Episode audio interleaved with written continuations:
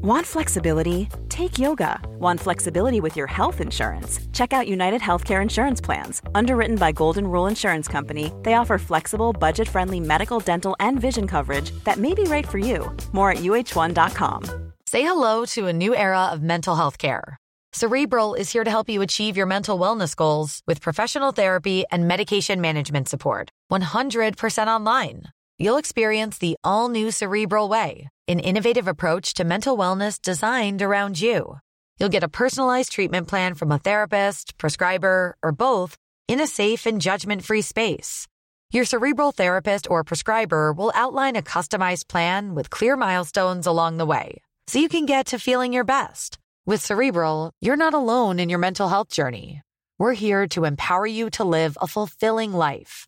So take that first step towards a brighter future and sign up today at cerebral.com slash podcast and use code ACasts to get 15% off your first month. Offer only valid on monthly plans. Other exclusions may apply. Offer ends July 31st, 2024. See site for details. Hey, I'm Ryan Reynolds. Recently, I asked Mint Mobile's legal team if big wireless companies are allowed to raise prices due to inflation. They said yes. And then when I asked if raising prices technically violates those onerous two year contracts, they said, What the f are you talking about, you insane Hollywood ass?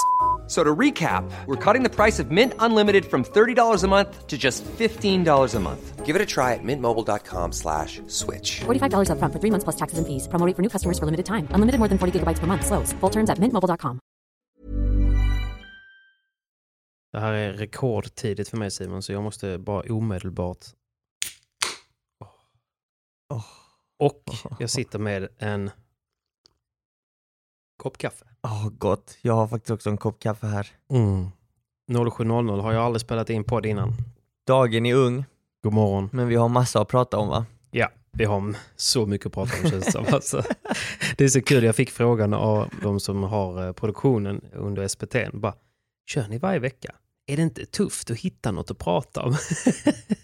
Mm, nej. Skulle inte tro det va? Skulle inte tro det va?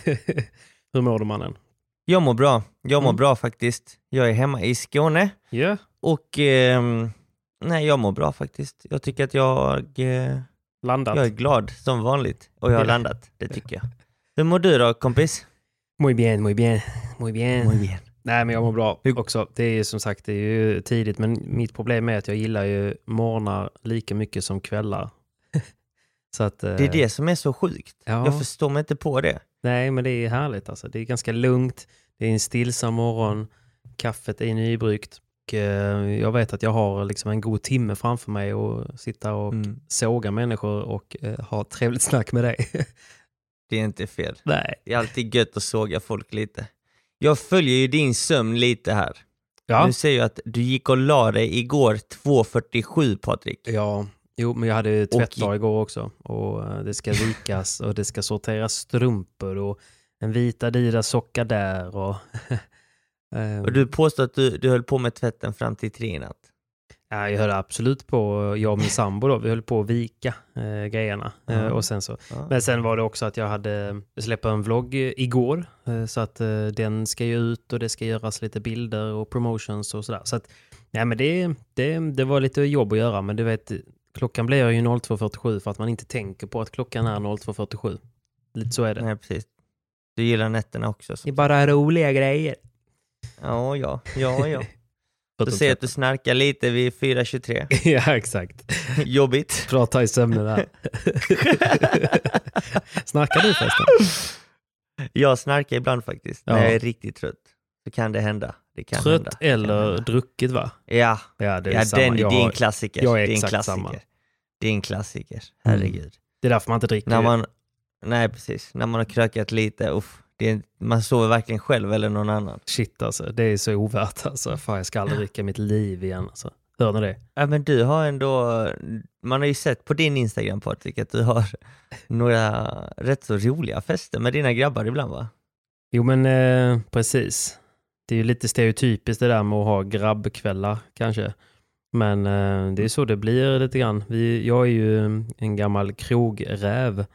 Och, eller, det är ju ett fint ord för att vara en bartenderhora egentligen, men vi... Eh, man har ju mer eller mindre jobbat i varenda bar i hela Sverige under Ja. medans, medan, medans man var 18 och fyllde 30 innan det slutade vara accepterat att jobba i bar.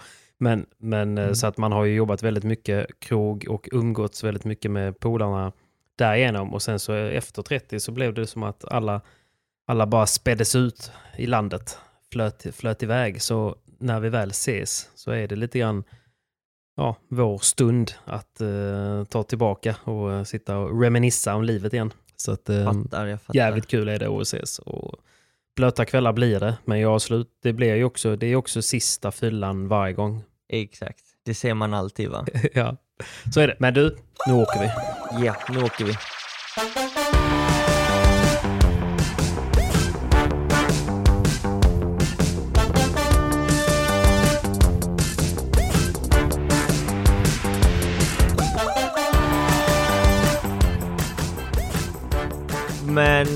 Vi spelade en tävling i helgen Patrik. Ja, vi, vad mysigt.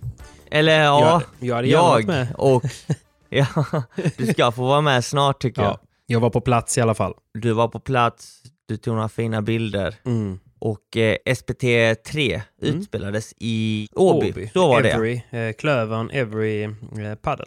Så det är ju det, deras var det. nya anläggning i Mölndal.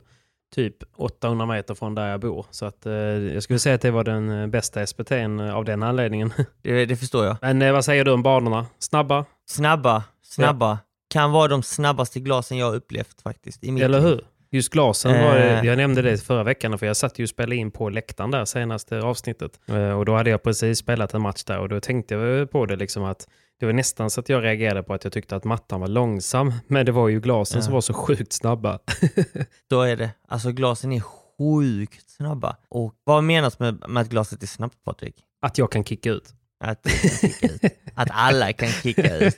Det är det vi menar. Så att kan ni inte kicka ut bollen, åk till Åby, every paddle, så kommer ni lyckas kicka ut en boll. Precis. Nej, men det kan vara olika ju. Alltså, nu är det ju, det här är ju, det är ju också skillnad med panoramabanor och vanliga banor ska jag säga. Men Mm. här är det ju som så att det finns ju ibland glas som är tjockare än andra glas. Och då blir det snabbt på grund av det. Eh, här eh, kan det också vara att det är nya banor, att det är ganska spänt.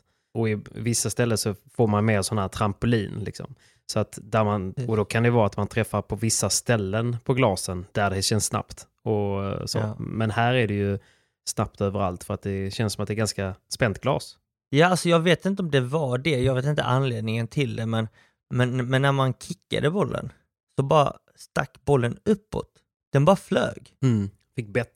Alltså, fick ett sjukt bra bett och det, det, det fick man känna på när man mötte Bruno och Anton, kan man ju lugnt säga. Kicka sönder alltså. De kickar sönder oss, de kickar ut oss från tävlingen direkt alltså. De skickar hem oss. De Simon Kaje, vilka är ni alltså? Ni är sämst! Bort härifrån! Ha det gött, åk hem nu! när, eh, när Bruno spänner ögonen i en och, och eh, ussar med sin högernäve, då vet man. Ja, han var på hugget i helgen du. vad- Helvete. Men både han och Anton, alltså, jag tycker de är roliga att titta på. När de har så bra förutsättningar med, som de hade nu i helgen med liksom banor som passar dem och båda kändes som att de var på en god plats, på gött humör. Eh, fysiskt sett så det är alltid svårt att, att veta innan, men de rörde ju sig jäkligt fint. Och, eh, och de fick ju ändå ett par långa matcher, men fan det biter inte på Bruno alltså. Han är ju typ 25, Ja, alltså jag trodde att han skulle vika eller hur? sig efter ett tag, för att han, han brukar ha lite skadeproblem och, Ja, han är och, människa liksom. känna, Ja, precis. Han är människa liksom. Men eh, denna helgen, så här, de körde på hela vägen och det var inga Verkligen. konstigheter. Starkare än någonsin. Starkare än någonsin. Men du, jag har ju fått så sjukt mycket DMs denna helgen. Ja, men det har ju hänt en Eh, lite. Alla det vet har ju. hänt en hel del, ja. Och jag vill först och främst börja med Paddelfeber la ju ut eh, ett, eh, en artikel om mig. Jag blev Ja, så irriterad ja. när jag såg den, för jag tänkte bara så här, men S- Simon, för fan, kan du inte bara ta Ja. en förlust? Precis, och det är det jag vill klargöra för folket nu. Alltså, jag vet inte hur många gånger det blir fel. Vad var rubriken då? Rubriken var Vaskes, kramp och fosterställning före matchen. Och sen så stod Alltså, det typ så här, jag- det stod väl typ också att ehm, det fanns en anledning till att du gick vidare till, eh, till final, eller något sånt där. Ja, och det är inte alls det jag ville säga och det jag ville framföra när jag pratade med Håkansson. jag vet att jag har inte gett så många intervjuer eller artiklar till Padel Direkt, eh, just av den anledningen, för Mm. att de skriver som, eh, som en skvallertidning kan man säga. Att de vinklar och lite jag liksom. vinklar väldigt mycket och rubrikerna ska bara liksom, de jagar klicks. Och nu blev det också fel här i den artikeln för att först och främst, att det jag sa var att, till Johan då att Mm. jag vill inte ta bort denna vinsten från Bruno och Anton för att folket, ni måste förstå mig rätt också att ibland, direkt efter en match när du gör en intervju, Mm. så har man en ilska inom sig och man kanske inte formulerar sig på bästa möjliga sätt. Men jag klargjorde här för Johan att det Anton och Bruno spelade var helt fantastiskt. Alltså deras vinst förtjänar dem och jag ska inte ta bort någonting från deras vinst för att deras match var, var perfekt Mm. från start till mål. Alltså de, de, de spelade en perfekt paddel och Verkligen. vi kunde inte göra någonting, vi kunde inte skada dem och vi kunde inte vinna för att just den dagen var de mycket bättre än oss. Mm. Och det, jag skäms inte för det. Nej. Herregud. Eh, och, och Anton är jag ju polare med och Bruno, alltså har jag, har jag ingenting emot Bruno heller och jag kan bara gratta dem och vara glad för deras skull och det, det måste folk förstå för att jag fick ett, jag vet inte hur många DMs jag fick att, eller kommentarer på Mm. typ så här Instagram på olika bilder eller artiklar. Mm. Och Vasquez Rocafort ska alltid komma med, med ursäkter, för fan vad dryga de är, det ena och det andra. Du vet, så här, man blir så jävla ledsen för att jag har aldrig sagt att jag skyller på att jag hade ont i magen. Självklart, jag hade kanske magproblem men jag sa till Johan, det tar inte bort eh, Brunos och Antons vinst. De Nej. var mycket bättre än oss. Står jag på en paddelbana någon gång och tävlar, Mm. så tävlar jag med de förutsättningar jag har. Jo, Känner jag att, jag att jag är så pass dålig att jag inte kan, då ställer jag mig inte på paddelbanan. Nej, Men, men ser ni mig på en paddelbana kommer jag ju alltid ge mitt bästa och det är det jag har att tävla med. Såklart. Men det har vi pratat om innan och det var ju mycket det Daniel pratat om att man, man får ge de 100 procenten av de procenten man har. Eh, Alltså, Så enkelt är det ju. Sen tror jag ju ändå inte att, att Håkansson har medvetet alltså försökt göra det som att liksom här är en eh, rubrik och det var därför han förlorade. Så det, alltså, jag menar, jag vet att han inte har, har det som avsikt utan nu blev det ju bara liksom jag tror bara det blev lite taskig timing och sen så blev det ju lite som att ja men du vet direkt efter en förlust och så kommer det en artikel och så ser man liksom så här rubriken utan att ens läsa eh, artikeln så tänker man direkt bara ja ah, där kommer ursäkten. Alltså Ja. det blir ju en första tanke såklart. Det är det som blir fel för att många av, av de som kanske skriver till mig då, de har ju inte ens läst artikeln, Nej, utan nej. de har läst rubriken. Jo men såklart, det är ju så alla killar gör egentligen. Killgissar.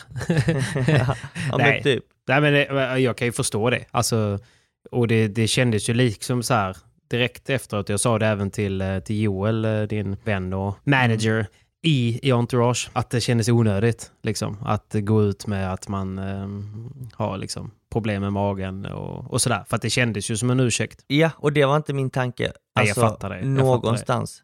Alltså jag hade ingen avsikt på att komma med en ursäkt, utan jag, jag försökte klargöra att all heder till Anton och Bruno som spelar en fantastisk padel just nu. Ja, Eh, och de förtjänade att gå vidare från gruppen och vinna tävlingen kanske. Eh, för i den stunden så, så avgjordes mer eller mindre gruppen. ja. Så att eh, jag vill inte ta bort någonting från, eh, från dem ju. De, hade, de hade riktigt goda chanser skulle jag säga ändå att faktiskt ta hem hela tävlingen. Det hade de, det hade de. Jag trodde de skulle ta hem det när de tog första set mot Danne och Kalle. hade verkligen unnat dem det. Alltså eh, all heder till Danne och Kalle givetvis, men man hade Mm. ändå unnat eh, dem och eh, det hade blivit lite kul i racet också. Ja, faktiskt. Det hade blivit lite jämnare. Ja. Men, men så är det ju och jag fattar. Så du fick mycket hat, mycket, mm, mycket DMs och mycket kommentarer. Eh, men det var ju inte bara det. det var ju rätt många som hade åsikter om mitt linne också. Jo, men jag vet. Eh, Till och med jag fick mycket DMs om det. Ja, jag fattar ingenting. Får man inte spela det man vill nu eller? Nej, det är väl, jag tror att det generellt handlar ju såklart om osäkerhet och att 99 procent av, av alla som sitter och kollar hade ju såklart inte själv vågat eh, och sådär. Och sen så finns det ju, jag skrev det, för det var många som skrev det till mig och jag adresserade ju även på min Instagram att liksom, ska du, när ska du inte håna att han har linne på sig inomhus? Eh, det- Alltså du vet, det var någon sån här grej. Eh, Och, och jag säger det igen, men jag, som jag sa det då, att, att jag kommer liksom aldrig håna någon som, som går sin egna väg och att det känns känns ganska viktigt att man ibland tänker på att varför tycker jag så här? För, för oftast Mm. är det liksom någon sån här gammal norm att det sitter bara i att man ska tycka någonting för att det är någon som har sagt det när man själv hade varit barn kanske. Eh, Så att Mm, mm. man egentligen bara repeterar någon annans åsikt utan att själv tänka efter. Eh, Och jag tror att det är väldigt många som hade velat våga släppa garden och vara sig själva lite mer. Men de är rädda för vad alla andra ska tycka. Och livet är lite för kort för det. Det, det är också så här, det är en Adidas-kollektion. Ja. Det är kollektionen som är, inne, som är ute nu, som tennisspelarna spelar med. Typ Mm. Alexander Zverev som ligger typ femma, sexa i världen spelar i denna kollektionen. Eh, och tennis är ändå en sport som är mer etablerad än padel. Eh, den är mer internationell och, och betydligt proffsigare. Mm. Men mannen, Du du, var menar- svincool. Alltså jag, jag tyckte Alltså du jag- var ascool i linnet. Det passar dig perfekt. Jo, jo, alltså, jag, jag, jag tyckte det var skitskönt att spela i linne. Men folk påstod att jag var oseriös, att jag var dryg, att det var det ena och det andra. Och de tar sig tiden att skriva detta till mig. Jag vet inte Jo, liksom hur men- de tänker. För, att, för i slutändan så blir man ju ledsen. Alltså Ja. jag blir det, jag är väldigt känslosam. Men eh, det verkar inte folk bry sig om. Och du Nej. vet, de tar sig tiden och liksom trycker ner en bakom liksom ett konto på Instagram.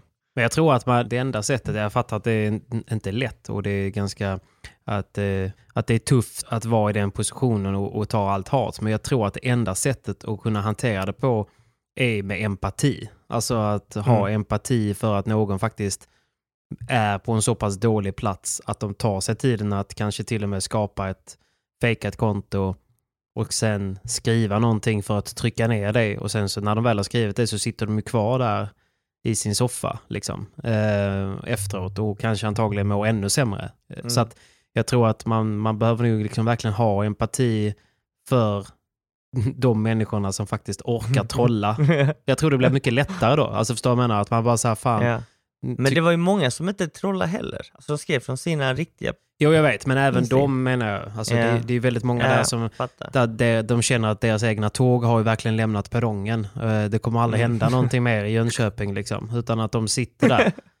Och att Ja. så ser de då en, en Simon Vasquez liksom, eh, solbränd med tatueringar, kliver ut med linne och ett stort leende. Det är klart att det, det tär på alla deras drömmar som de aldrig förverkligade. Och sen så har de en halväten kebabpizza framför sig. Alltså du vet, man får ha, man får ha lite empati för att eh, människor som trycker ner andra mår ju inte speciellt bra. Nej, så måste det vara. Så är det ju. Men jag tror att eh, det är det enda sättet. Och du kan liksom aldrig lägga speciellt mycket värdering i det. Och på samma sätt Nej. egentligen som om någon, någon säger någonting positivt. Jag tror att man ska egentligen vara rätt försiktig med att, att låta det få, få vinga också så att man liksom lyfts Mm. upp av för mycket positivt också. Utan att egentligen så ska man ta på sig ett par noise cancellation-lurar och så bara lyssna på sig själv. Och så går man exakt den vägen man själv vill. Man vet varför man Mm. gör det man gör och man gör det för att Mm. man verkligen vill det. Oavsett om någon ger dig ros, oavsett om någon ger dig ris. Det är så här, du vet vad du ska Mm. göra och du gör det. Eh, och det är nog det, det enda sättet för att annars så kommer man bli ganska knäckt av hatet och man kommer också bli beroende av rosen. Mm. Amen till det där. Amen till det där Patrik. Men jag säger inte att det är en lätt uppgift och jag menar det var inte jag som fick eh, alla de hundratals DMen så att det är lätt för mig att, att säga härifrån. Men eh, Mm. jag förstår om det har varit lite tufft för dig. Men jag hoppas att eh, du ändå förstår vad jag menar och att, eh, att du liksom fortsätter lyssna på din egna röst och inte Mm. på inte liksom vad Pelle Svensson eh, skriver ifrån sin en och halva. Nej men jag är väldigt tacksam att jag har vänner som dig Patrik och fler sådana och en tjej som också stöttar mig. Eh, som får mig att gå liksom min egna väg och få mina tankar eh, att hamna rätt egentligen. För det är lätt att man, eh, man hamnar i den där bubblan och när man, Mm. får, men när man får lite hat så bara, man går ju, alltså man blir ju ledsen. Och sen så, sen så kommer ju nästa bomb och du vet nästa och nästa Mm. som skriver. Och det är väldigt tungt om man tar åt sig det. Ehm, jag tar åt mig oftast. Jo men du är ju människa. Jag, jag, skrev ett sms till dig där, bara, fan du är Ja. bara människa liksom. Man kan, Ja. man kan liksom, eh, man kan stoppa ner mycket grejer i en ryggsäck men till slut så blir den liksom lite tung och då får man ju antingen packa om den liksom eller eh, skaffa en större ryggsäck. Och oftast det bästa är det att packa om. Ja, ja, men precis. Det var väl lite det som hände nu sen på söndagen. Ja men det syntes ju. Det syntes ju lite på dig i blicken eh, faktiskt. Men berätta gärna. Nej men det är väl mycket äh, bägaren rann över. Äh, Mm. Som många kanske såg så fick jag ett litet utbrott på banan eh, Mm. när vi mötte Viktor och Pierre efter ett eh, domarbeslut, efter en boll. För Eh, de som många- inte var med, kan du inte bara, kan du inte bara recappa lite? Jag menar, du sa ju det, du Mm. är, det är på söndagen, du har haft en tuff lördag, eh, du är inte på en jättebra plats mentalt kanske. Eh, du lite ledsen också. Och det kändes ju inte som att eh, du Cayetano hade, det var kanske ingen så super, super kemi heller. Alltså, inga, inget tjafs så, för jag menar, jag var- jag umgicks ju ändå med men Mm. det var, det är en, du vet den här glädjen var ju inte riktigt där. Nej, den fanns ju inte där. Eh, och det är av många anledningar. Vi har ju inte tränat en enda gång sedan Nybro, förra SPT. Mm. Och det är ju över en månad. Och sen eh, så känner jag att vi är väl på två olika platser känns det som. Att jag, jag krigar ju på med min paddel. Jag Mm. flyger mycket ner till Spanien för att träna och tävla, spela på VPT Mm.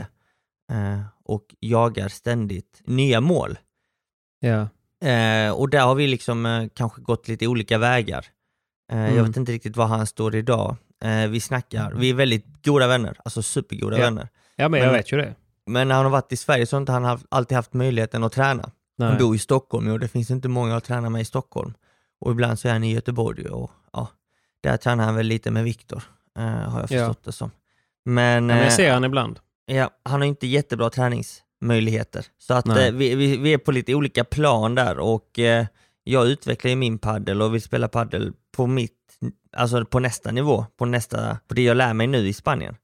Ja. Eh, och eh, det är väl lite där att vi är, alltså kollar du på typ ett vanligt par, typ Danne, Kalle, Galan Mm. och LeBron, alltså de tränar ju tillsammans dagligen. De gör ju samma precis. resa. Eh, bägge två och har samma mål och ambitioner. Det är kanske där jag och Kaje liksom skiljer oss åt lite grann idag. Eh, Mm. Vi lever två olika liv. Eh, samtidigt Men vad säger ni om det då? Ni pratar ju ändå om det ju. att, ja, ja såklart, vi pratar om det och försöker hitta en lösning på det också. Vi försöker inte ge upp vårt spelande för det. Nej. men försöker ju ständigt hitta lösningar på problem. Eh, och det är Mm. väl så jag tycker man ska, man ska jobba. Att man Ja. inte bara ska ge upp utan man ska försöka hitta lösningar som ett lag Men såklart. tillsammans. Och det, det gör vi ju. Men sen så Mm. hade vi inte så jättemycket harmoni av olika anledningar. Vi hade, Kaja hade liksom lite personliga problem som jag stöttade honom med och stöttar honom än idag. Så att ehm, jag vill bara skicka lite kärlek till honom också för att Ja, inte, ibland så går man igenom tuffa perioder i livet av olika anledningar. Nu vill jag inte säga vad Absolut. eller vad det är. Men eh, då behöver man eh, en, en kram, en, eh, en, en kompis liksom där.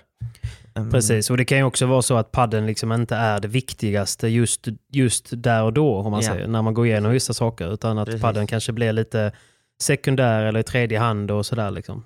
Så kan det ju vara. Så kan det vara. Och det, det behöver inte vara, vara under en längre period, utan det kan vara en kortare period också. Så att det är väl att vi är på lite olika plan och vi behöver ju eh, hitta tillbaka till samma väg. Alltså där vi, där, Mm. vi, där vi går mot samma mål och jobbar tillsammans. Det är väl det vi saknar. Ehm, så det var väl dels det och sen så hade vi ju förlorat mot Anton och eh, Brunström på lördagen och insåg att vi, vår chans att gå vidare från gruppen är ganska körd. Och då tappar man lite motivation också. Ja, och sen så satt jag kvällen innan och morgonen innan. Vi skulle möta Viktor och Pierre på söndagen. Mm. Läste igenom lite DMs liksom. Ja, exakt. Eh, och vart lite liksom ledsen. Eh, där folk skriver liksom, fan vad dryg du är, vem tror du att du är som spelar i linne och armsliv? Mm. Eh, nu har du fått hybris. Och det är så här man bara, alltså vad är det som händer? Och så blev det typ som att folk blev glada för att ni förlorade för att du hade, för att du hade hybris med linne. Liksom. Ja, precis. Lite, det, det Mm. var känslan jag fick i alla fall. Ja, nej, men jag, och jag kan väl eh, jag kan liksom dela den känslan. Problemet var ju att när folk skrev till mig så hade ju, och så förväntade de sig liksom lite medhåll. Liksom. Eh, och så högg jag tillbaka istället där jag ifrågasatte varför det skulle vara så himla konstigt. Eh, då var det så här, nej nej men jag skojar ju bara, jag skojar ju bara. Du vet. Ja. Eh, och många tänker ju inte på att ja, de kanske skojar, men att det ändå kan eh, kännas. Även om man skojslåss så kan man fortfarande få blåmärke. Mm. Det är liksom en sak om du skulle skämta med mig Patrik, för du är min vän. Jag känner dig, vi är polare, vi, vi snackar va- varje dag typ och eh, vi, vi snackar ju skit hela tiden. jo, Men kom, kommer det från någon som jag inte känner, då tar jag åt mig det Mm. på ett annat sätt. Jo, men det det, var väl klart. Det var väl lite det som hände. Ehm, En rolig nyhet Simon är att vi har en helt ny sponsor till podden. är det sant? Helt ärligt så är det en helt ny sponsor och de heter Honestbox. Oj, spännande. Vet du vad de gör? Nej, ingen aning alltså överhuvudtaget. Grejen var så här att jag var liksom lite skeptisk till en början, men det Honestbox gör är egentligen deras idé bygger på att eh, liksom, eh, skapa obemannade butiker. Eller ky- kylar och så vidare. Och det har ju blivit en så stor grej i paddel för har du varit med om det här problemet som jag har varit med om många gånger? Att man, man kommer till en paddelhall och det är ju inte alla hallar som har en, en trevlig reception med försäljning eh, där man kan köpa grejer. Nej, absolut inte. Nej, och då står det oftast eh, så här vending machines, kylar där man kan liksom eh, göra köp och man vill ju nästan alltid köpa med sig en, en god eh, clean eller norr i, i ditt fall då Ja. till, till, till att man ska spela. Men man är ju aldrig ute i så god tid att man har massa tid över utan man, man kommer ju oftast bara någon minut innan. Mm. Och det, det är ju helt omöjligt att göra ett köp på en sån kyl på första försöket. Det, finns ju helt- ingen som har det, klarat det. det är helt omöjligt. Det är helt omöjligt om man ens Ja. lyckas köpa någonting från dem. Nej, men det är att man ska Maskinerna. hålla kortet i fyra sekunder, det, eh, man ska slå någon siffra och sen så bara nej, det blev fel, gör det igen och så Och vidare. du, värst Och av sen- allt, när, när produkterna Ja. fastnar. Ja, det är Ah. ångest. Det är ren ångest. Ja, men det är herregud, ångest. Det, det är inte det vi ska prata om nu. men, men i alla fall, jag tror att alla kan relatera till just den känslan. Och det jag också hatar är att man bara kan göra ett köp. Åt gången ja. Och ett köp åt gången. Och man har ju inte liksom två timmar om man ska köpa två drycker. Liksom. Så det är, alltså det, finns ju, det är dåligt ur många aspekter. Mitt blodvärde stiger bara jag tänker på det. Men det, och framförallt så är det dålig försäljning.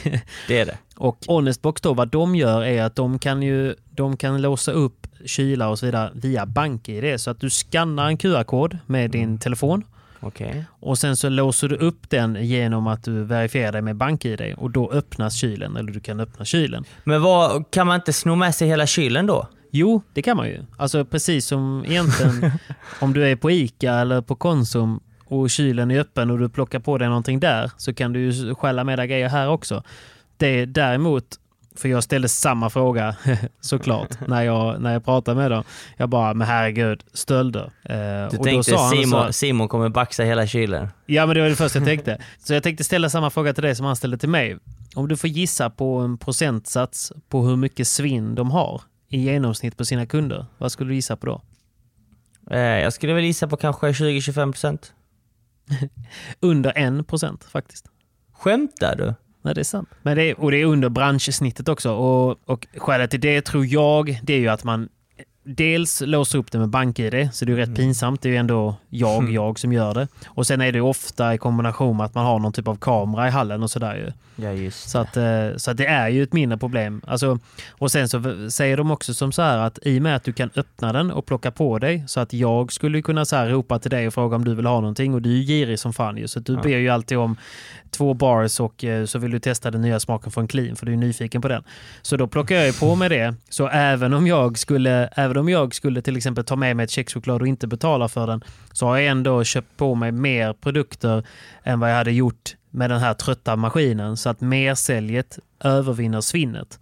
Det, Eh, Så att, eh, det låter klockrent. Ja. Det låter klockrent. det är bra. Men kan jag man, tror verkligen på det. är, det, är detta bara kyla eller kan man, eh, kan man ha en hel shop? Hela butiker. Hela butiken? Jajamän, det finns. Det finns Aj, idag aj, till och med en paddelbutik så att du låser upp liksom entrén in till butiken och sen går du där inne och kan liksom browsa runt och shoppa runt och när du har skannat den här QR-koden så kommer du själva in i eh, liksom shoppens e-handel så att säga. Så där kan du då eh, klicka i vilken produkt det är du vill köpa och, och så vidare. Och sen så köper du, gör din transaktion via telefonen och kliver därifrån. Så att eh, det funkar väldigt bra. Det låter lovande. Så kika gärna in på honestbox.se de, eh, och boka ett möte. Ställ era frågor, alla era funderingar. Men har ni en paddelhall eller har någon annan typ av idé där ni vill göra någonting obemannat så ta ett prat med dem. De Väldigt behagliga människor och eh, det har väl blivit en väldigt stor trend inom just paddel. Paddelfolket är ju rätt så ärliga också. Det är ingen som skulle sno väl? Nej, Nej. varför ska man göra det? Har man, har man råd att spela padel så har man råd att betala för sin dricka också, eller hur? Exakt, exakt. Framförallt du Patrik. Pengar är inga bekymmer. Pengar är det enda jag har gott om. Nej, men tack Honestbox. Stort tack Honestbox. Eh, in och kika på deras hemsida, honestbox.se. Vamos. Så att det var mycket känslor där, både med Kaje, eh, mina egna känslor, eh, det som hade hänt på lördagen och, och lite det folk hade skrivit till mig. Sen så spelade vi mm, sista gruppspelsmatchen mot Viktor och Pierre på söndagen. Ehm, Och eh, då mötte vi Viktor Pierre, vilket är ett tufft, tufft motstånd. Ehm, Alltid. Alltid. De vet hur man tävlar. Eh, Mm. Och vi hade tufft mot dem senast i Nybro, då spelade vi en tuff tresetare. Så vi visste att vi var tvungna att vara på, på 100% eh, för att vinna den matchen. Och eh, vi började spela väldigt, väldigt bra faktiskt, jag och Kaje. Vi spelade mycket bättre på söndagen än lördagen. Mm. Eh, vi var uppe i en ledning 4-1 och jag servade. Mm. Då var det som så att vi låg under 0-15. Jag servar, kommer fram på nät, spelar en forehandvolley, en djup forehandvolley i mitten av banan. Som är extremt tveksam. Extremt tveksam. Eh, Ja. Men domaren tvekar inte och dömer ut den direkt. Nu vet jag inte vad domaren var, heter. var det inte så här, jag stod faktiskt i sidlinjen och, för jag plåtade ju lite mm, där och då, så tappade ni första bollen 0-15. Du, ni höll rätt så högt tempo i det för att det kändes lite Mm. som att du ville bara gå ut och avverka matchen samtidigt Ja. som du ville verkligen vinna den. För det Ja. syntes ju liksom, ni spelar ju väldigt distinkt paddel om man får Ja. säga så. Precis. Alltså liksom att fan nu kommer jag gå för varenda slag Mm. och jag ska, vi, jag ska visa hela världen. Typ så. Mm.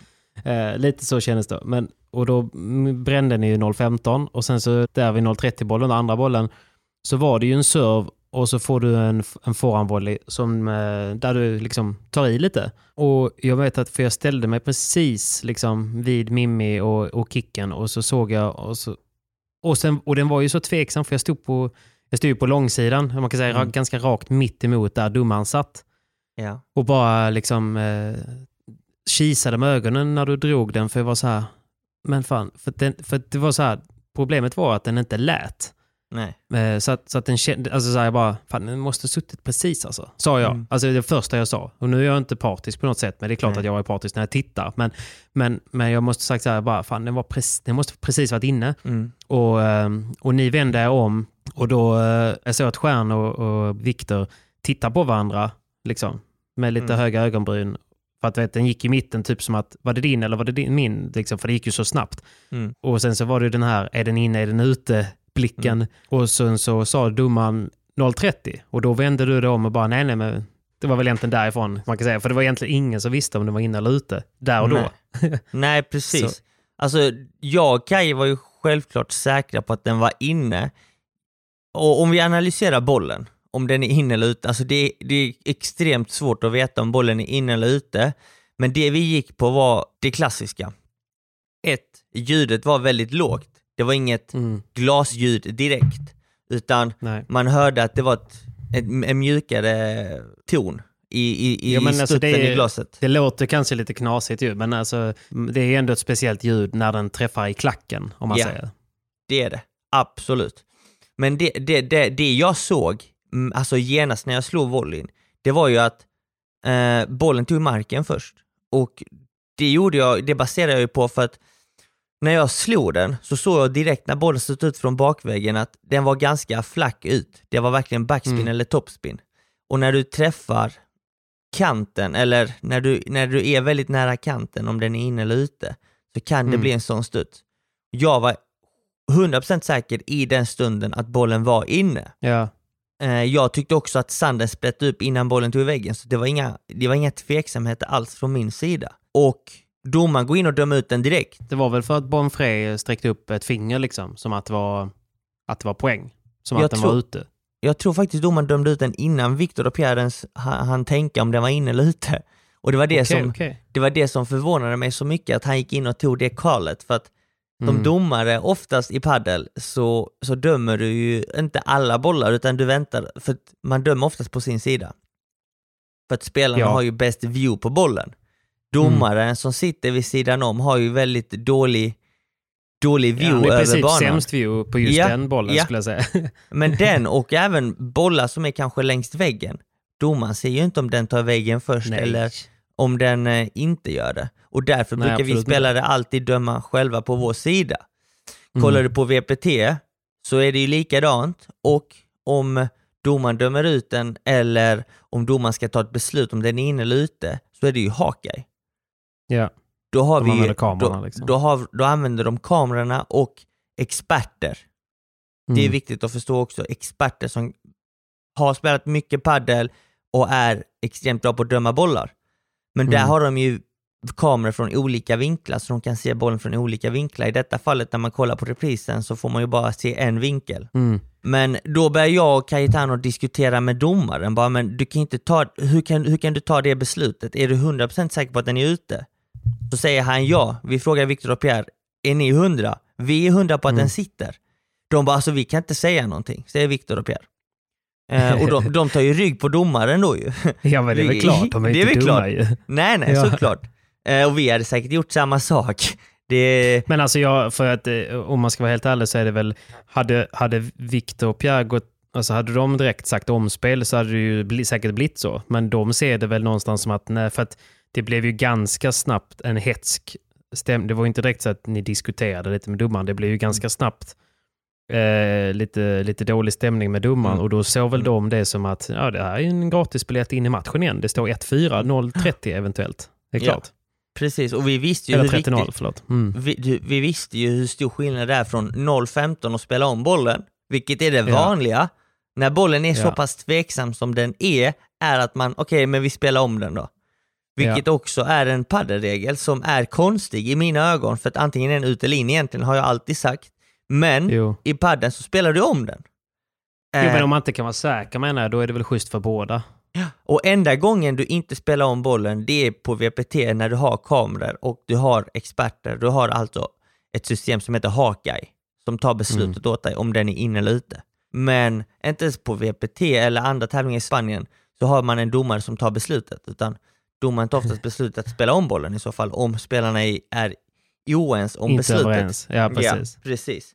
Och sen så börjar vi liksom fråga honom bara, hur kan du döma den så snabbt när du har typ sämst vinkel av oss alla? Vi är hundra på att den sitter och han lyssnar inte på det vi sa. Ehm, och så har 030 med detsamma. Och det var det vi tyckte var så himla konstigt, bara men skämtar du med mig? Ja, du Alltså- fick ju ett frispel kan man ju säga. Ja, ja, det fick jag. Det fick jag. Och det var ju lite, det var lite som att bägaren rann över och då snackade vi Såklart. om allt. Fick han ta det lite? Och exakt, så fick han ta det lite. Men sen så var jag Mm. också superirriterad för att Viktor innan dess hade slått Mm. två bollar i väggen. I Utan- frustration. Ja, i frustration utan att domaren hade sagt någonting. Ja. All right? eh, sen fick jag ett utbrott eh, och jag, mitt utbrott baseras egentligen inte på beslutet på bollen utan beslutet på att domaren verkligen bara dömde ut den på det sättet. Alltså, Mm. det var det jag fick utbrott på. Att döma, alltså om den var ute eller inne, det, är det har egentligen inget, det är klart det spelar ju roll i detta fallet, men Ja, det hände. och det har ju blivit ett stort efterspel också. Och direkt vet när det blev så att mycket hetsig diskussion. Det första jag gör då är ju typ gå därifrån, för jag ville helst inte få ögonkontakt med dig, för jag såg Nej. att du inte var på en bra plats. eh, men jag ville också typ så här, jag ville få lite fakta, så jag smög bort till, eh, till eh, kommentatorsbåset. ja. Eh, och, och direkt så Emil liksom tog sitt headset åt sidan så sa han till mig, den är klart ute. Den är klart ute. Det är helt jag, sjukt! Ja, men, det var ju där och då också. Liksom. Han, har, han har faktiskt ändå hört av sig och sagt att så här i efterhand nu när jag har suttit och kollat på repris på repris på repris så är han inte lika säker. Men det första han ser när han ser den i kameran eh, i den vinkeln som, som, som erbjöds det var så att ja, jag, hade nog, jag hade dömt ut den i en kamerareview. Eh, så då tänker jag bara, men jag går tillbaka till dig, för då kom du, du var ju väldigt så här eh, upprörd då, så sa jag så, men den var ute, sa jag till dig då. Ja.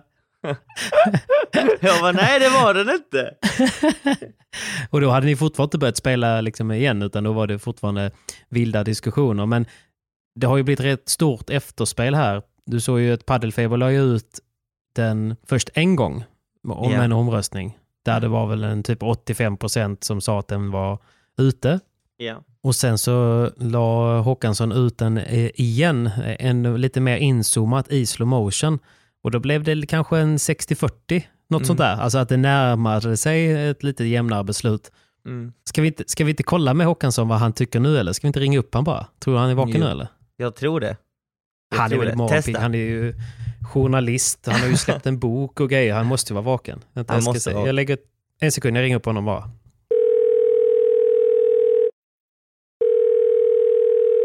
Hallå? Håkansson, är du uppe Ja. så här dags? Jajamän. Det är Som klart han är... författare. Nybliven författare. Det är mycket det är böcker som ska signeras och eh, intervjuer att svara på, eller hur? Ja, det är en helt ny värld jag kliver in i nu. I, igår så hämtade jag ut 150 böcker, jag gav tre Ja. intervjuer och, och sådär. Så nu händer det När grejer. ser vi dig, när ser vi dig på, i nyhetssoffan då? Ja, jag vet inte. Det är någon PR-byrå som har, äger den där bollen, så jag är bara Ja. deras lydiga redskap nu och ska göra Jag vill precis ju ha det som hos de säger. Malou och jag vill ha det hos eh, morgon, morgonsoffan i TV4 och det är där du hör hemma ju. Ja, jag vill sitta i Babel, det här kulturprogrammet. ja, nej, vi får se vad som händer. Ja. Nej, men du, stort grattis till, eh, till boken i alla fall. Eh, Det ska Tack. bli kul, Ja, det ska bli du- kul du- att läsa den. Ja, du är ju minst sagt bidragande där. Jag vet inte hur många Patrik Persson-bilder bo boken innehåller, men det är nog en 15 stycken skulle jag tro. Det är en ära. Det är Ja, en ära för min, härligt. för min del. Härligt. Men du, eh, vi sitter och diskuterar den eh, kända bollen här Håkansson. Ja.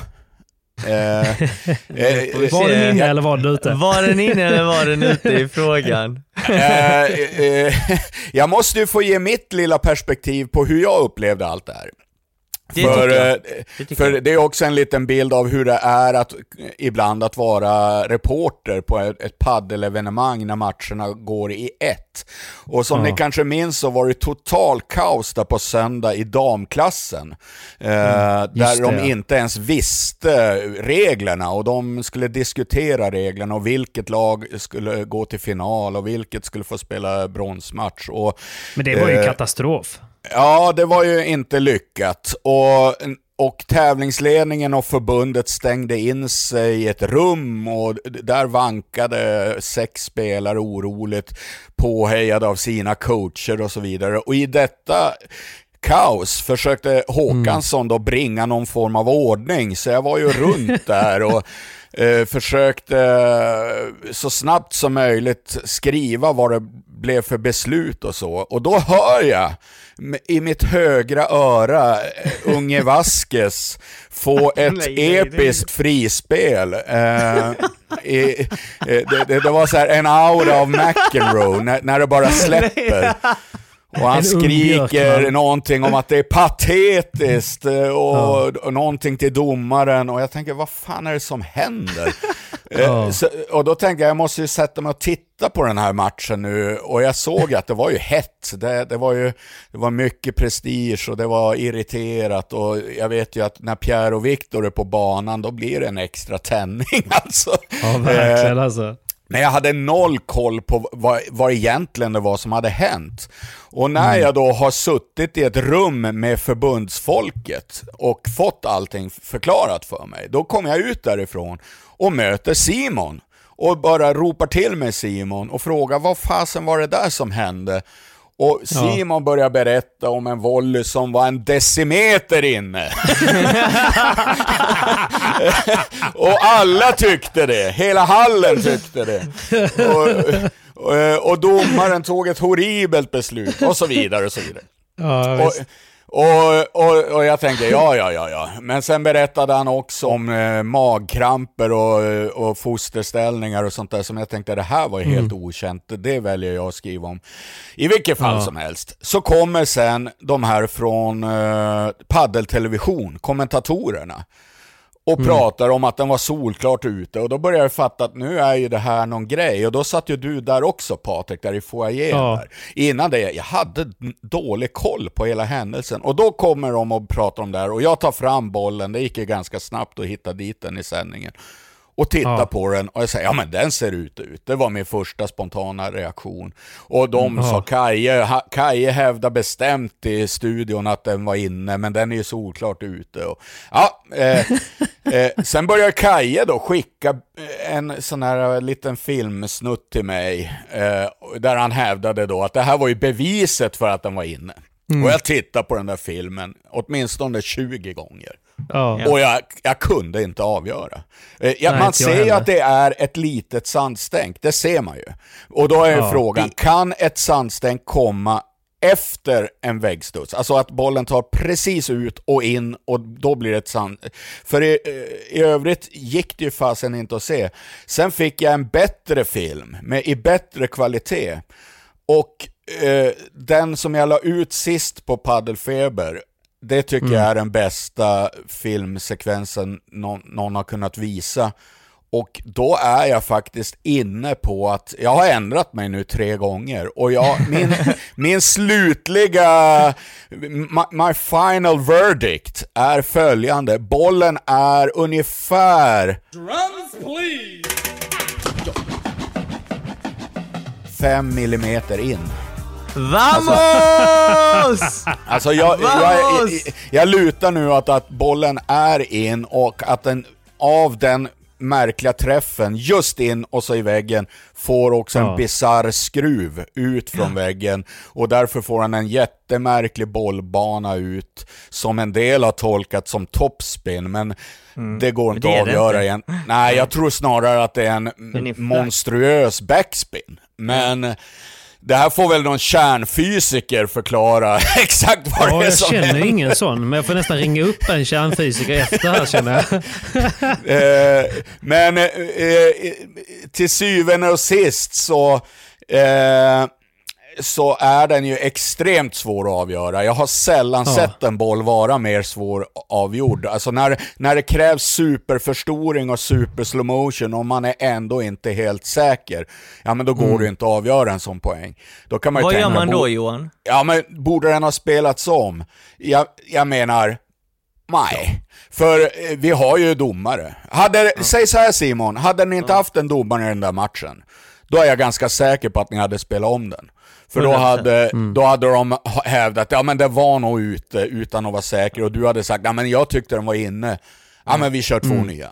Ja. Eh, nu har man en domare, och han tar ett beslut eh, som han känner instinktivt rätt, då måste man nästan gå på det. Annars blir det hela tiden sådär. Det kan vara, kan ett ludd ha varit på sidlinjen? Kan, eh, alltså det, det kan vara så många Ja. sådana situationer, så jag tycker det, det är bara att gå på domarens beslut om det inte är helt horribelt.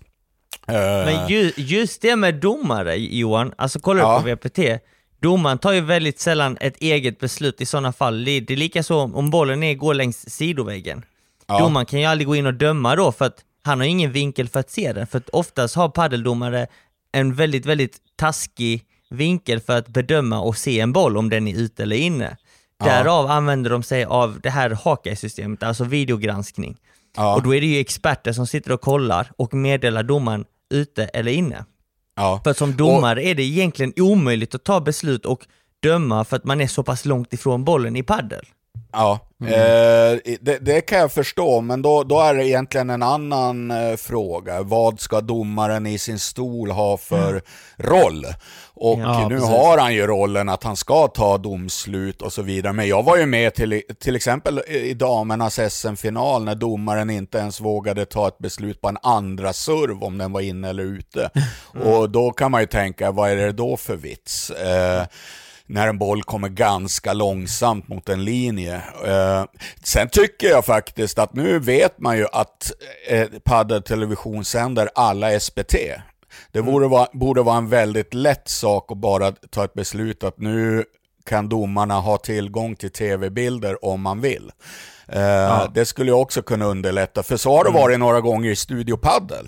Det, eh, det har blivit tjafs och så har de vänt sig till oss och sagt, var den Ja. inne eller ute? Och vi har sagt, vi kollar. Och sen ser man på reprisen och så direkt man bara säger ett beslut så köper spelarna det. Egentligen oavsett vad det är vi säger. Men vi säger, nu har vi kollat, den är ute. Då säger de bara, okej. Och så spelar de på. Mm. Men eh, till ändå Simon, tyckte du att det var en rimlig reaktion? Absolut inte. Absolut inte. Men, men, men, men, men mitt, mitt, alltså du vet varför bägaren rann över, det är av extremt många anledningar. Ja. Och det är oftast just de här SPT-besluten och varningar som har delats ut tidigare. För att jag och Cayetano, så fort vi säger någonting eller gör någonting så får vi en varning, eller så är de där och hugger. Eller så Ja. får vi ett samtal från förbundet, vi får ett samtal från Björkman. Just det. Men, men så fort någon annan gör det så är det inte samma sak. Och i denna matchen så hade Viktor slagit, alltså slagit till två bollar stenhårt av frustration i väggen, utan att domaren sa någonting. Viktor sköt ut två bollar från banan utan att ge Viktor varning. Ja. Och, och då frågar domaren, ska inte, han, ha- ska inte Viktor få varning för att han sköt ut bollen? Och då svarar domaren, det var ingenting jag såg. Just det. och därav uppstår min frustration mot domaren för att han tog inga beslut eller sa att han inte såg det Viktor gjorde. Men jag Ja. menar om Viktor slår e- en boll allt han kan i frustration mot glaset, då hör ju till och med min gammelmormor det. Ja. Och när han slår iväg en boll, så frågar jag domaren, han slog iväg en boll? Nej men det var ingenting jag såg. Jag bara okej, ser du tredje bollen i banan? Nej, nej, undrar var den är. Den är på bana 12 för fan. Ja. ja, men det här är också en annan... viktigt att börja. ja, men, Ja, det är en annan diskussion som jag tycker är högst intressant. Om man ska ha regler och dela ut varningar och så, eh, så måste man vara väldigt konsekvent och väldigt rättvis och tuff. Alltså att en förseelse är alltid en förseelse. Det blir aldrig någonting om vilket humör är jag på idag, eller eh, vi kanske ska lo- låtsas att vi inte såg, eller så. Som på VPT. Där vet alla att slår de racket i nätkanten så kommer de få en varning. Slår de racketen i glaset, då skulle de få en jäkla varning. Och så vidare. Och då vet alla, och då blir det inget sånt. Nu har det blivit så att allting är en enda stor gråzon och oftast kommer man undan med grejer. Men ibland kanske det står en ambitiös överdomare vid sidan och då får man en varning. Eh, och så vidare. Och det är fasen ingen lyckad situation. Utan en, eh, det ska vara så tydligt vad som är en varning. Och då ska spelarna veta, oj nu gjorde jag det, nu vet jag att jag får en varning. Eh, i, då blir det inget snack. nej men exakt. Och det var där av mitt utbrott också, för att det har hänt så många gånger och det hände även denna matchen och där var ju en av anledningarna till att jag blir så frustrerad av att han, tar, han tog de besluten han gjorde och inte åt andra hållet. Ja, just det. Men jag såg till exempel i fi- damfinalen slog ju Barre racket i glaset och jag kollade direkt på domaren. Då sitter han ju och skriver ner poängen efter Ja. varje boll. Och det är, ju- då ser han ju aldrig sådana saker. Utan direkt en boll är slut tittar han rakt ner i ett papper.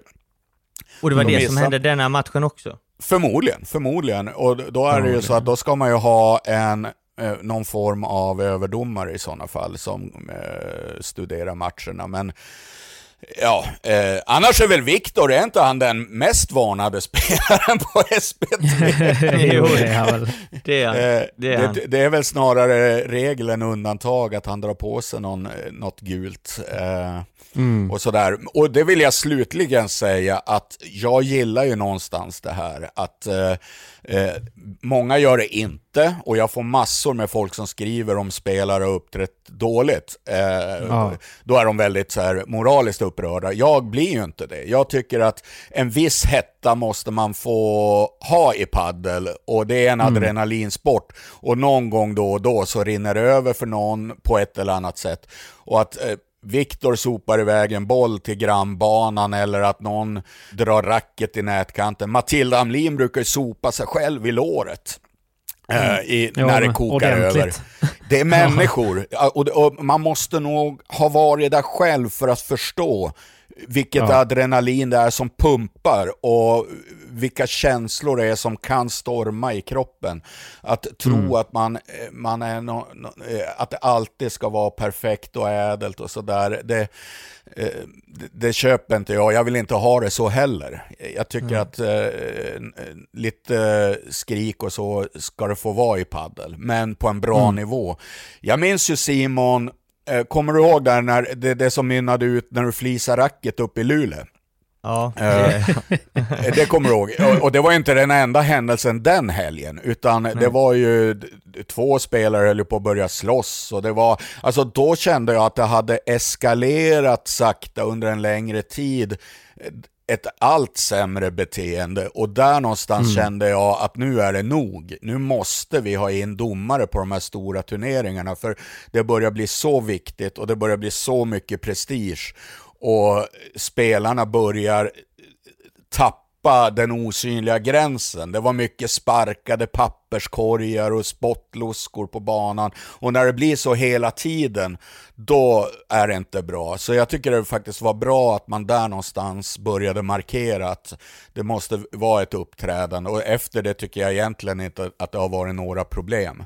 Det har bara varit så här enstaka grejer när det kokar för folk.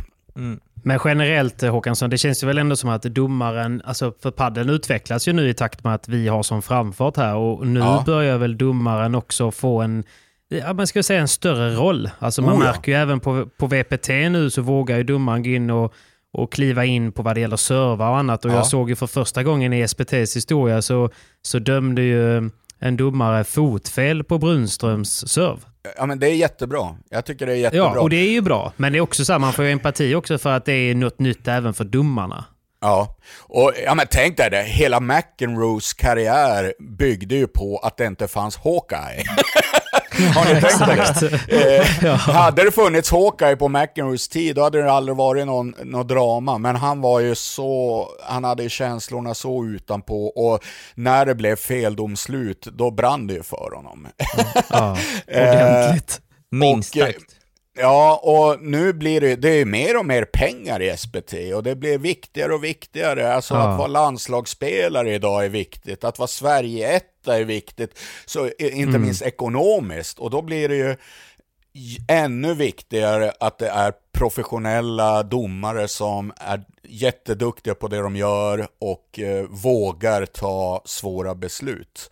Eh, Det är ju en del av sportens utveckling. Givetvis måste vi hamna där. Jag minns ju att det var många spelare som inte ens ville ha domare, men det hade inte gått längre, alltså, för det kommer bli Nej. för viktiga matcher framöver och eh, att då ha spelare som ska reda ut det ena och det andra, det hade kunnat bli kaos. Det håller jag med om. Det håller, det håller jag med om. 100%. Nej, men jag håller med. Men 100%. den slutgiltiga, den slutgiltiga domen nu efter några dagars tittande, det är att den är fem millimeter in. Men vad vi kan komma överens om, eh, Håkansson, det är att den är inte en decimeter in.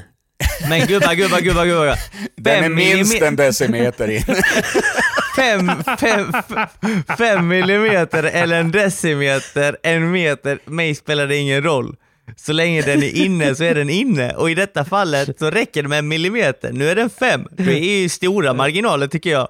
Ja, jag, jag, jag ska kolla en gång till. Jag kanske ändrar mig under dagen här. Men, Ja, eh, och, och, men vi ska ju också vara glada för att bollen var ju helt betydelselös i det stora hela. Det hade ju faktiskt Ja. kunnat vara en boll som hade en enorm betydelse. Det, är också en, det, var, det var min tanke som slog mig också. Låt oss säga att det stod 5-5 i avgörande set Ja. och domaren tar det beslutet. Då är det en helt annan femma på, På en på en golden. golden. Ja. Ja. Vad händer då? Ja, då hade ju du imploderat.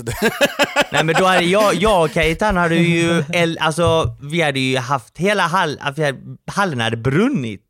Ja. Ja. Och det hade varit Stackars likadant om, om Viktor och Pierre. Ja. Om det hade varit emot dem. Det är inte så att Viktor hade varit lugn i det fallet heller. Nej, men det kommer hända. Det, självklart kommer det hända att det blir en Mm. oerhört viktig boll och ett oerhört kontroversiellt domslut. Det är bara en tidsfråga. Eh, Såklart. och då, då, då är det domarens ord som gäller. Ja. Så är det. Men då måste han vara rättvist åt alla hållen och ha ögonen på banan och inte ner på sitt vita papper. Protokoll. Det håller jag med om. Det Rättvisa kommer domare alltid, vill kommer alltid vara svårt. Kolla i fotboll, det finns liksom ingen... Eh, det finns ju ingen, ingen fotbollsspelare som känner att domaren är rättvis. Nej, det. Nej, men ta det här med VAR. Jag såg ju igår till exempel var det ju Champions League och Eh, då, då var det ännu en gång räddades domarna av VAR. Och jag kan inte Mm. förstå de som är emot VAR, för det är så många katastrofer som VAR har räddat. Sen kan det bli Ja, någon precis. gång, någon enstaka gång när, VAR, när det ändå blir märkligt med VAR. Men självklart så vill man ju ha det rätt. Och kan man nu Ja. ta hjälp av tv-bilder, gör det för tusan. Eh, det, det är väldigt lätt gjort. De plockar ju fram de där bilderna på nolltid. Ja men exakt. Nej, ja, men det är gott. Det är skönt att få, eh, skönt att få din, för jag vet ju att du har kollat på den där reprisen ett par gånger. Ja, minst, att, minst eh, 50. Minst 50. Ja. Ja men du, tack snälla Håkansson för att du, eh, för att du hade tid så här på morgonkvisten och lycka till med, med boken. Eh, Ja, det är lugnt. Stort, stort grattis till boksläppet och jag hoppas man Ja. kan få beställa en, en bok också faktiskt. Jag Självklart. behöver- Tänk att Eh. du Simon, du pryder ju faktiskt omslaget på boken. Ja, det är stort Ja. faktiskt. Det är, lite stort. Ja. Det är stort, det är stort. Eh, ja, eh, då sätter jag mig och signerar böcker så får ni fortsätta reda ut detta. Tack så jättemycket Magiskt. Johan. Ja, det är Tack lugnt. snälla Jag kommer, jag kommer Jag backa känner- dig för livet ut nu, bara så du vet. Ja, det är bra. Ja, det är bra. vi, vi hörs. Vi Vi- hej Men Simon, om jag säger total grip, vad säger du då? Eh, det är ett måste. Jag kan inte spela utan total grip nu för tiden. Det är helt omöjligt. Man har ju blivit beroende. Folk är på mig, folk hatar ju lite grann på min Instagram för att jag gör så mycket reklam för Forum nu. Och senaste bilden jag la ut, då var det inte ens sponsrat utan att det var bara en polare till mig som hade tagit en bild när jag tog Forum Total Grip vid Ah. ett typ ett sidbyte. Och då var det bara så här, nej det här är en sponsrad bild. PP10, 10%. PP10 för 10 ja.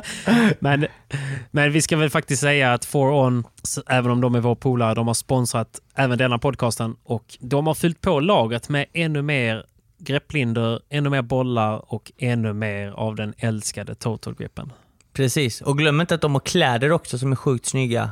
Eh, Jajamän. bollarna har jag inte testat, men det sägs att de är riktigt bra de med. Så att eh, in och kika. De har fyllt på lagret och eh, de har bara högsta kvalitet av allt vad jag har hört. Ja, men det som är så kul är att de är så himla lyhörda med feedback. Jag har ju varit ganska kritisk till deras linder och så, liksom, så har jag sagt vad jag tycker och tänker. Så att de har ju liksom hela tiden kommit med nya versioner. Nu senast fick jag den nya versionen av lindan och de har höjt sig jätte, jättebra. Så att nu eh, spelar jag lika bra med Forons grepplinda som med Tolson. Så Oj, att, eh, ja, det, jag vill inte ta, ta åt mig all ära, men eh, lite, lite grann kanske. Lite grann ska det. Så att eh, vi tackar väl Foron ännu en gång för att de stöttar proffset och jag och alla ni andra som är intresserade. pp10 foron.se.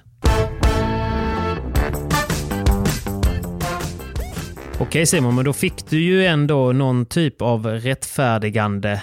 Till och med profeten, författaren Johan Håkansson har efter många nätters sömn, många videoreviews senare kommit fram till att den är nog 5 millimeter in.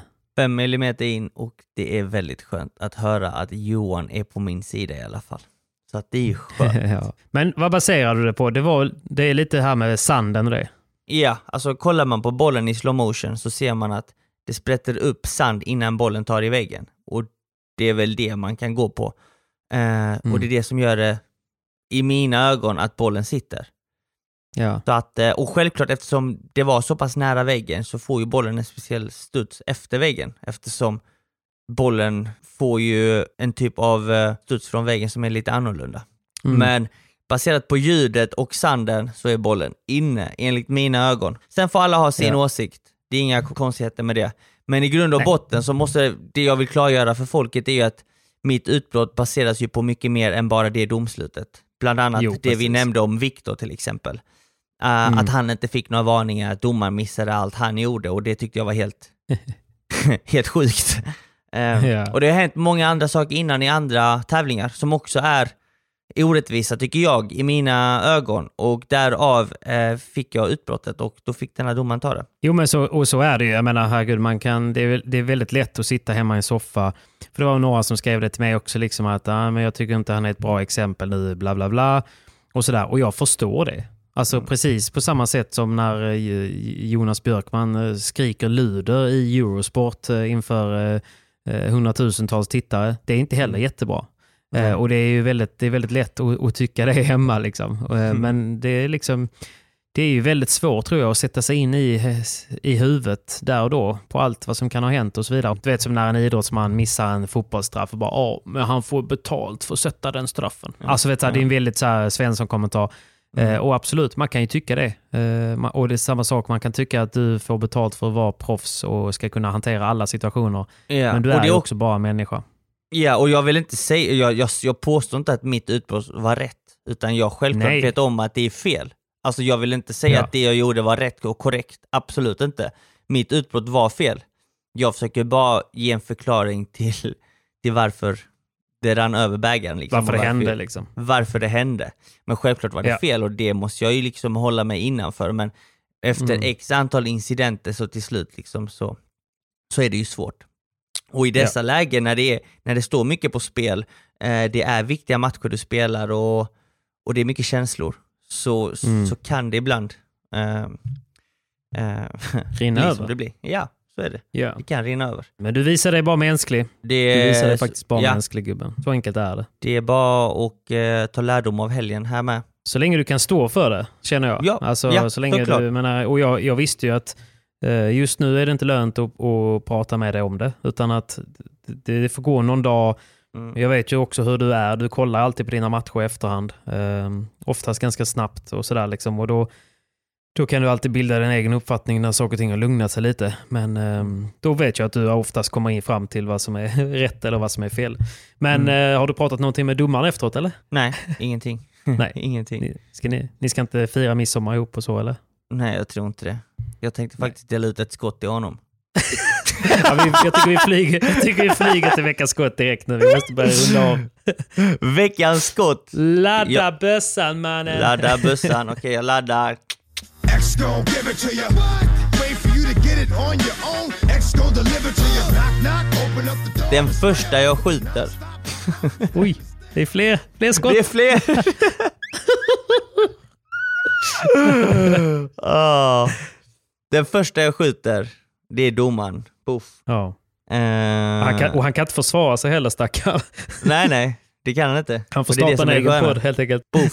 Motivering. Eh, motivering Motivering. till, till domaren. Ja, såklart. Du kan inte bara skjuta. Eh, nej, men eh, det är ju lite av det som hände. Att, eh, att han tar det beslutet som han gjorde och eh, Mm. gav oss varning direkt och sa mer eller mindre att ett ord till så pum, får ni ja, nästa varning eller poängstraff eller vad det är. Men var medans- du inte lite out of hand då? Jo, såklart. Det var jag. Eh, det var Så jag. har han inte lite rätt att säga så då? Jo. Men jag tyckte det var fel att ta det beslutet på den bollen. I det fallet, på det Beslutet sättet. kan han ju få ett skott för. Men han Ja. kan ju inte få ett skott för att han ber dig och Nej, sluta kalla honom för en Nej. eh, sopa, amatör, uh, uh, pip, eller vad Nej. det var. Ja, men Ja. du vet. Såklart. Men också för att han kanske inte kan få gav- ett, Han kanske kan få ett skott för att han eh, har fått lite mycket luft under vingarna som domare kanske. Alltså, Det har han eh, fått. Det har han fått. och- tycker jag. Han har ju ganska mycket, mycket självförtroende, vilket man behöver ha som domare. Det är helt omöjligt i hans roll annars. Och alltså, domare som spelare så måste man ju också kunna misslyckas. Alltså, eh, precis som att Precis som att du kan göra bort dig i en match så kan ju han också göra det. Alltså, Mm. egentligen. Ja, precis. Eh, är det ju. Och jag tror nog Det ändå att han har lärt sig någonting. eh, Jag menar, eh, är man inte säker så är det ju svårt att ta ett beslut. Och jag tror inte att även om Håkansson dömer in den nu eh, på något sätt, han kanske ändrar sig imorgon, men även om han, den är indömd just nu så kommer ju majoriteten fortfarande tycka att den var ut. Så vi kommer nog aldrig riktigt vara överens. Men vi kan väl vara överens om att vi inte är överens om att den antingen är inne eller ute. Och då kanske det bästa beslutet hade varit att spela om. Så att det är därför han får veckans skott, för att han faktiskt tar ett beslut baserat på att det inte går att ta ett beslut. Ja, lite så. Boom. Och, att han, och alla varningar han missade dela ut till Viktor. Ja.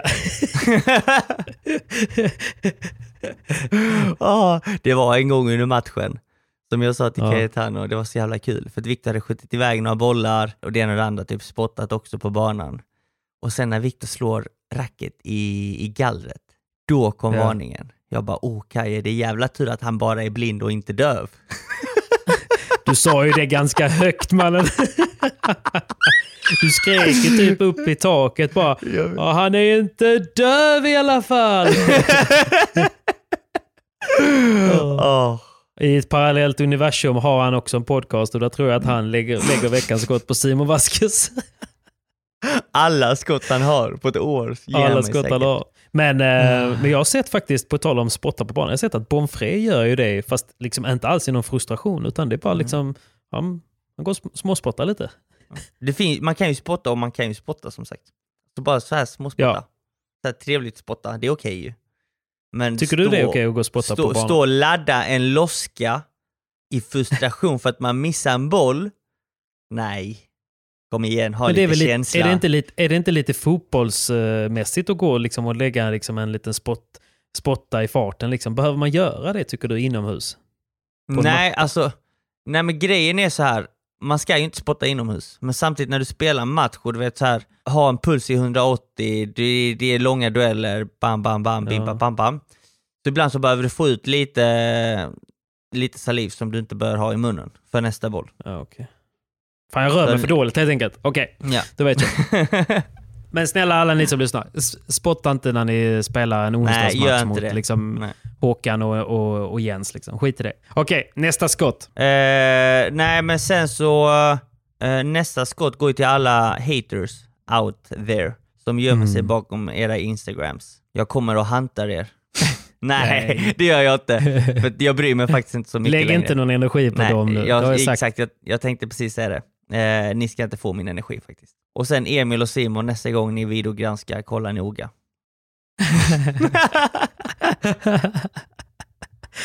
Ja, det där bollen var faktiskt- viktig för mig. Ja, jag fattar det. Jag fattar det. Jo, men herregud, när de säger att den är klart ute, men nu har han ju faktiskt i efterhand anmält att han har ändrat sig. Men där och då Men så var han helt solklart. Där och då, och alla som Mm. kollar och lyssnar, lyssnar ju på dem ju. Ja, såklart. Det är klart att de bildar sig en uppfattning baserat på det. Exakt. Och den uppfattningen sprider de. Nej, jag köper det. Jag köper det. Men ehm, jag, fick ju, jag fick ju chansen att spela en eh, match mot dem på fredagen innan turneringen började. Hur gick den? Så att jag... eh, Nej, men jag, eh, jag hade ju tog ju in den bäst, en av de bättre partnerna jag kan hitta här i Göteborg. Så att eh, Johan Fors eh, klev in på backhandsidan bredvid mig och då eh, var det inte svårt att vinna med honom vid min sida. Nej. Också en Adidas-spelare. Fantastisk. Så att, Fantastiskt. ehm, ja. Så det kändes ju ändå, det kändes ändå okej att få ta hem den, även om inte det var min förtjänst. Nej. vinst är en vinst. En Vinst är en vinst, mannen. En vinst är en Mm. vinst. ja, nej, de värderar jag lika högt. Har du fler skott eller? Nej, jag har inga skott kvar faktiskt. Eh, Jag har bara kärlek kvar. Det är bra. Och som sagt, haters, jag tror att det bästa sättet är egentligen att bara tänka att de behöver en kram. Inte, Mm. inte, inte hat.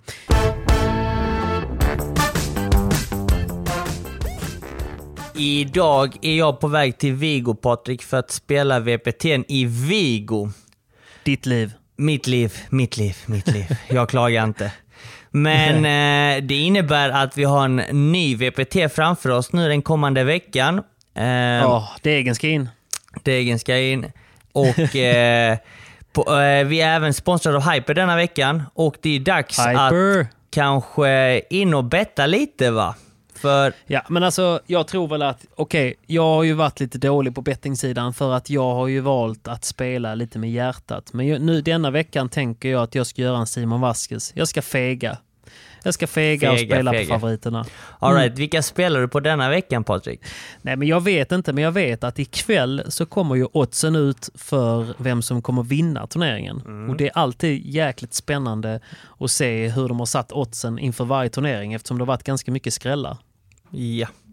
Men den senaste tävlingen så, var, så gick ju LeBron och Galan ganska såklart eh, Ja. vinnare. Och Mm. eh, på damsidan så var det Gema Trai och eh, Salazar som vann rätt så enkelt. Men jag tycker ändå du ska betta lite, en hundring. Du får dela upp hundringen om du vill. Jag får väl dela upp men kan du bara hjälpa mig lite? Hur är förutsättningarna i Vigo kontra någonting annat? För du har ju lite bättre koll på den. Jag behöver ju ha så mycket insight som möjligt. Eh, Jag vet faktiskt inte hur, Snabbt, hur snabbt, långsamt. Jag, jag vet faktiskt inte hur förutsättningarna kommer vara, men jag tror de kommer vara ganska, Sluta, gans- med dig. ganska lika Alicante. Vigo ligger högt upp eh, ovanför Portugal egentligen. Nordväst, Okej. eh, nordvästra Spanien, ute vid vattnet. Så att det kommer nog vara Ja. rätt så fuktigt. Jag tror att det inte kommer vara så snabba banor. Det tror jag Nej. inte. Eh, det är lite kallare uppe i Vigo också har jag hört. Eh, I Galicien. Mm. Det är därifrån Martin Pinheiro är ifrån. Så att eh, jag skulle väl säga att det är ganska långsamma banor. Okej, men du, då säger jag väl att det hade varit kul att våga gå på Captain America, men de, jag tror faktiskt att Bela Sanjo kommer gynnas i så fall om det är lite långsammare och de är lite revanschsugna. Så jag skulle säga Bela Sanjo på här sidan. Du då? Jag kommer lägga min röst på LeBron och Galan. Såklart. Du spelar ju fegt. Men så är det. Eh, Money in the bank, money in the bank. money in the bag, money in the bag. Och på damsidan då Patrik? Ja, men jag kommer ju hålla mig vid. Jag, nej, jag ångrar allt jag sa innan. Jag tänker inte fega. Det är Bea Gonzales som har hela mitt hjärta. Du får hålla Och tummarna. även min plånbok. Och även din plånbok ja. Så, att jag, eh, jo, men, så att jag delar upp min hun- hundring på, ehm, på de två. Så eh, Bea och Luthia Sainz på damsidan och eh, Sanjo och Bela på herrsidan. Spännande. Jag eh, kör då LeBron och Galan på här sidan och på damsidan kommer jag köra Aris Sanchez och eh, Paula José Maria. Åh, du, you're back. I'm back, I'm back. Vi får se om de levererar. Ja, och eh, håll utkik. Eh, Hyper presenterar eh, oddsen ikväll. Och Yes. eh, vi får se helt enkelt vad de säger. Och vad de Ja, tror. men det ska bli kul. Det är ändå ett, liksom ett litet mätvärde för turneringen i sig och hur det går för lagen. Så det ska bli kul att se oddsen, så missa inte dem. De ligger ju bara ute fram tills turneringen börjar. Och sen kommer ju såklart de andra oddsen. Kvartsfinalerna på fredag va? Ja. Och semifinal lördag, final söndag. Så att man får hålla utkik där. Och oddsen, Simon, de ändrar sig alltid. Man ska vara 18 år för att spela och har man problem eller känner någon som har problem så besök stödlinjen.se. Stordlinjen.se. Korrekt. Super. Så eh, lycka till Simon! Stort tack, lycka till själv Patrik. Och, Tack eh, Hyper! Tack Hyper för denna gången. Ytterligare en vecka.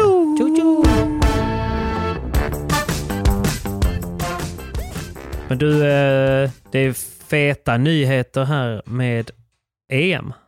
Jajamensan. Grattis till uttagningen. Tack så mycket gubben. Tack så mycket. Det kommer inte som en chock va? Det är ändå ingen Eh. intervju det här. Nej, det tycker jag inte. Jag Nej. tycker, eh, alltså om man kollar på, på herrlaget, så blev faktiskt det laget jag själv hade tagit ut uttaget. Mm. Så att eh, det var egentligen inga skrällar tycker jag. Eller vad, vad säger du? Ska vi gå Nej, igenom men jag laget? vet, det tycker jag. Men jag vet ju bara att jag menar, vår gode vän Pablo var ju väldigt... Han hade mycket gummi inför uttagningen. Han, eh, Ja, ja, ja. han trodde väl inte att han kanske skulle bli uttagen. Han eller han var osäker.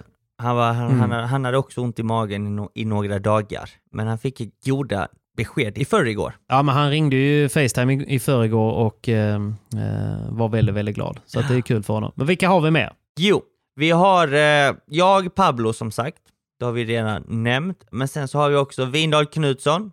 Eh, vi har Anton Bruno. Yes. Och vi har Viktor och Pierre. Där har vi Ja. herrlaget, åtta spelare. Och eh, vi har ju två reserver också. Det är John Larsson och Douglas Rutgersson. Ja, just det. Men du, en fråga där bara. Jag som inte spelar på EM-nivå, för jag fick inget samtal av Björkman.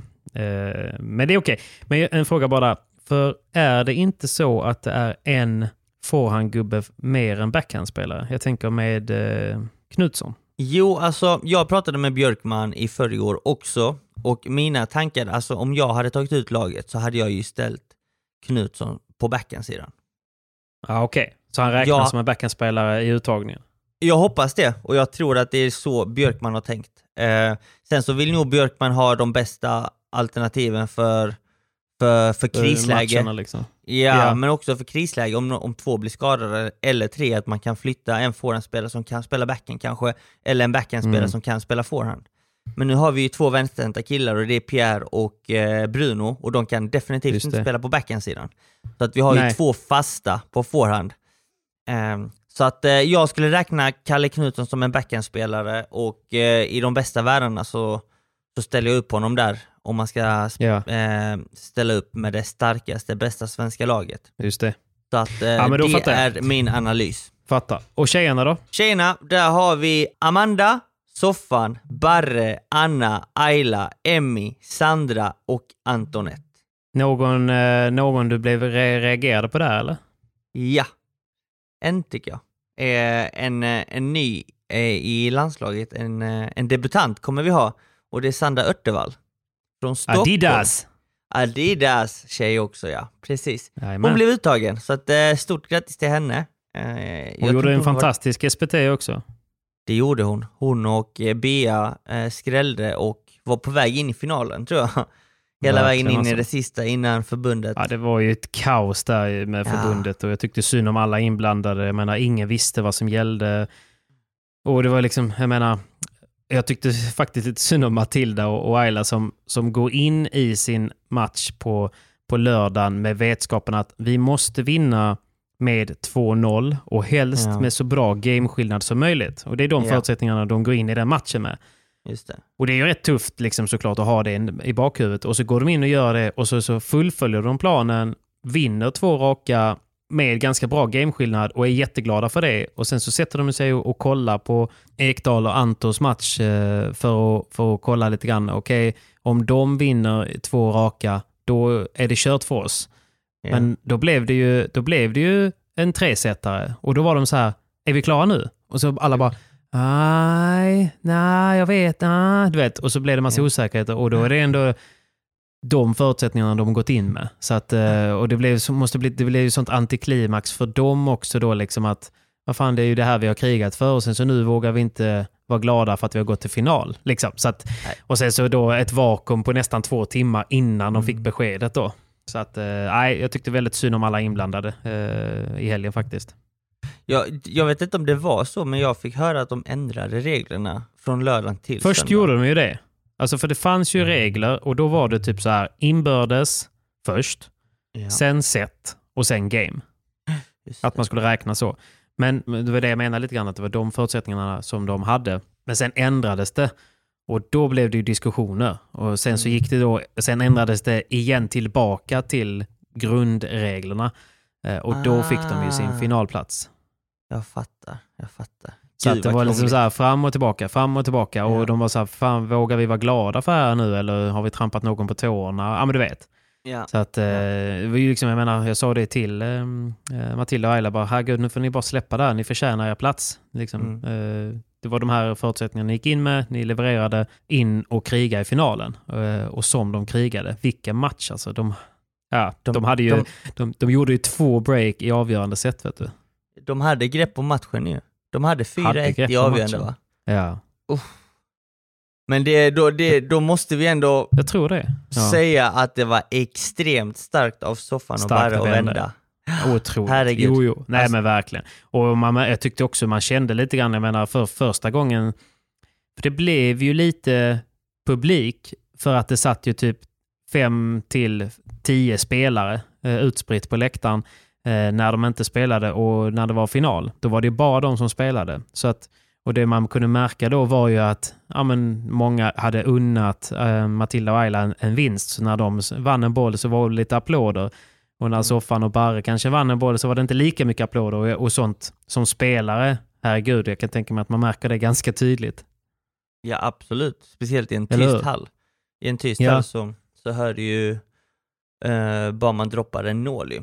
Så att... Eh, Ja, det- eller när någon skriker könsord till domaren. Alltså, jag menar det hörs.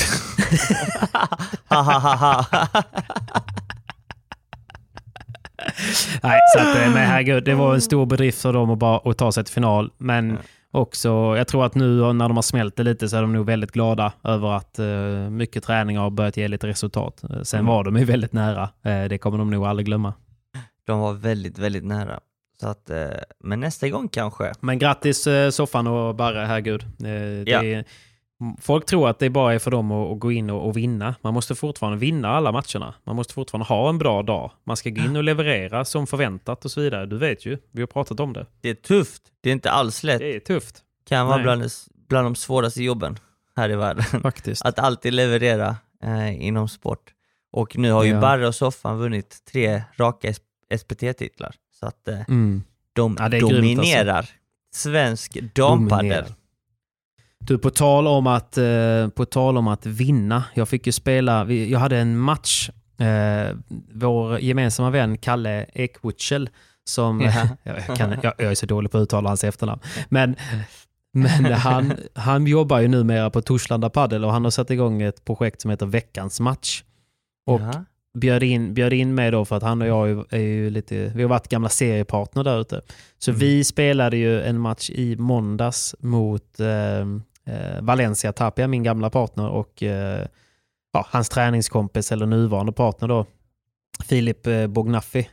Som, Men du, eh, Valencia Tapia, var det inte han som, eh, som var lite Jo, oskön? men, nej men vi, jo, ja, det, jag, jag är väl lite så här, det har runnit rätt mycket vatten under bron där. Vi båda Ja, har väl utvecklats lite. Ja. Men visst, i seriesammanhang, eh, på pre-covid kan man ju säga, när det var serier igång, då slängde han väl mig lite till råttorna. Men jag menar samtidigt, alltså han var ju bättre än mig eh, och han ville inte spela med mig. Jag kan väl bara tycka, det är lite som ett breakup.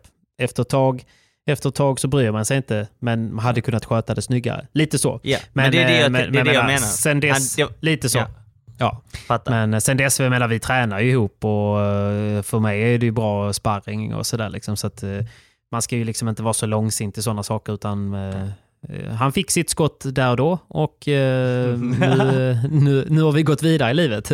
Men, så att det var kul. Vi spelade en match i alla fall och det var, ganska, det var kul för att det var många som var inne och kikade. Så jag gjorde verkligen inte min, min bästa match men det var jäkligt kul att få spela match igen och få streama lite. Och eh, vi, hade, vi, vi byggde en eh, tillfällig kommentator för det var ju en sån här vanlig barnstreaming.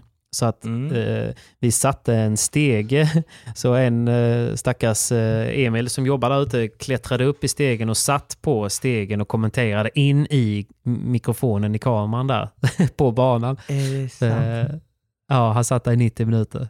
Och det var ju på tal om att vända en match, för Kalle är ju helt dominant. Eh, för de som tittade så såg man ju givetvis. Han, han har ju ett bra, eh, han har en bra overhead eh, och han vill ju egentligen bara döda bollen så fort som möjligt av två anledningar. Ett för att han inte orkar springa så mycket. och två för att han, han har kanske inte så här eh, världens högsta paddelrutin så att bygga upp poäng och sånt eh, det bryr han sig inte om. Liksom. Alltså förstår menar? Så att, men han är ju så pass på den, nivån, på den nivån så räcker det ju för att han kan ju avgöra i princip alla lägen. Så att, eh, ja, jag, jag sprang egentligen bara som en bollkalle jämte honom. Mm. Men eh, när han inte orkade längre, vilket, eh, vilket tog en halvtimme in i matchen, då typ, fick han ju syrebrist och fick sätta sig där. Liksom. Eh, Ja. Då blev det ju lite mer match. Så att när vi egentligen skulle bara knyta ihop säcken i andra, det, ble, det blev ju ett tiebreak. Ja, men du vet, då gick ju luften ur honom. Han bara skickade sju raketer in i bakglas och behövdes nej, få nej, nej. syrgas i setbytet. Och eh, jag tyckte ju synd om han då? ja, men jag tyckte synd om han samtidigt som det är så här, ja, det går ju inte att ställa några krav på någon som inte liksom orkar knyta skorna. Alltså, eh, ja, men, jag tyckte ju verkligen var synd om honom. Samtidigt så, så här, jag sa det till honom, bara fan Kalle, vet, när du går ner så pass mycket i procent att du hamnar på min nivå eller till och med liksom, ja men, för så är det ju, han är ju bättre, men när han hamnar på min nivå eller läge, då tappar vi ju det enda spelet vi har, att han kan gå in och avgöra om alla bollarna liksom. Så, så då blev det ju tufft och vi fick ju 1-5 på typ 10 minuter i tredje set. Oh, Men sen hände något. Jaha, vad hände sen då? Nej, men han fick ni? ju någon sån här, jag vet inte vad det var som hände, men han- det var som att han eh, hittade en Dextrosol eller någonting. Eh, och eh, han är ju en tävlingsmänniska, han, han gillar ju inte att, att förlora liksom. Det är han. Ja, eh, och eh, han har ju spelat tennis i många år liksom och sådär, så att det, det kickar väl liksom in på honom och vi fick ett break. När de egentligen eh, skulle serva hem det så fick vi ett break och sen då var det ju två break kvar men eh, det var ju liksom ändå du vet, början på någonting att ah, fan, det, det kan gå liksom. Och då hade han ju egentligen vilat i sex game eh, på banan. så att, eh, Så att eh, då, då piggnade han till, kom tillbaka, höjde sig lite och som sagt, jag menar bara att när han, när han sänkte sig så var han ju fortfarande bättre än mig. Så att det är liksom ingen skugga på honom, men, men det blev ju bara så tydligt mot typ första set. Så att då lyckades vi vända tillbaka till ett uh, tiebreak och uh, där, där, där knep vi hem det. Så att det, var, det var gött. Ni vände 1-5. Si, si, si. Det där är starkt. Det där är starkt. Det, men det vet jag är, jag är lite så här, det viktiga är inte att vinna Simon. Det viktiga är att inte förlora. jag gillar ditt tankesätt. Helt ja. rätt Pepe. Men du, vi måste båda iväg och träna nu va? Eh, ja, jag ska träna med Kalle och Danne nu faktiskt. Och Andreas ja. Johansson. Eh, så att... Eh, och sen ska du dra till Spanien? Eh, ja, sen drar vi till Spanien faktiskt idag. Så mm. att eh, jag kommer köra ett tidigt träningspass nu på förmiddagen, sen ja. åker vi ner mot eh, Kastrup, Copenhagen. Kastrup, Copenhagen. Men åker ni samma flyg, hela ja. gänget? Vi tar samma flyg till. Madrid, eh, övernattar i Madrid en natt och sen så på fredag, imorgon då, sätter mm. vi oss i två bilar och kör mot Vigo. Tror det är en 5-6 timmars bilresa. Fan vad kul. Och där ska jag träffa min partner Johan Bergeron. Ja, förlåt, du ska köra med han igen va? Fransmannen? Ja, det ska jag. Men det kan vi ta lite mer om nästa vecka, tänker jag. Vi tar det nästa vecka. Vi har ingen tid att spilla. Du måste iväg. Men Simon, innan vi avslutar så måste vi bara konstatera en sak. Och vet du vad det är? Nej. Den var inne. Den var inne. Den var, var inne. Den var inne och jag ber om ursäkt för mitt beteende men ibland så har vi alla dåliga dagar på jobbet. Men alla har den var inne. Det är det viktigaste. ja, och jag tror att ett psykbryt kan vara bra ibland. men ta inte efter Simon. Nej, nej. Nu kommer det dröja ett bra tag inför nästa så att nu är det ja. bara leva loppan. Spring iväg med dig, jag tonar ut lite här och så uh, hörs vi lite senare gubben. Tack för att ni lyssnar allihopa. Tack så mycket allihopa. Vi hörs. Ha ciao, ciao. det gött. Ciao. Nu Din jävla dåre!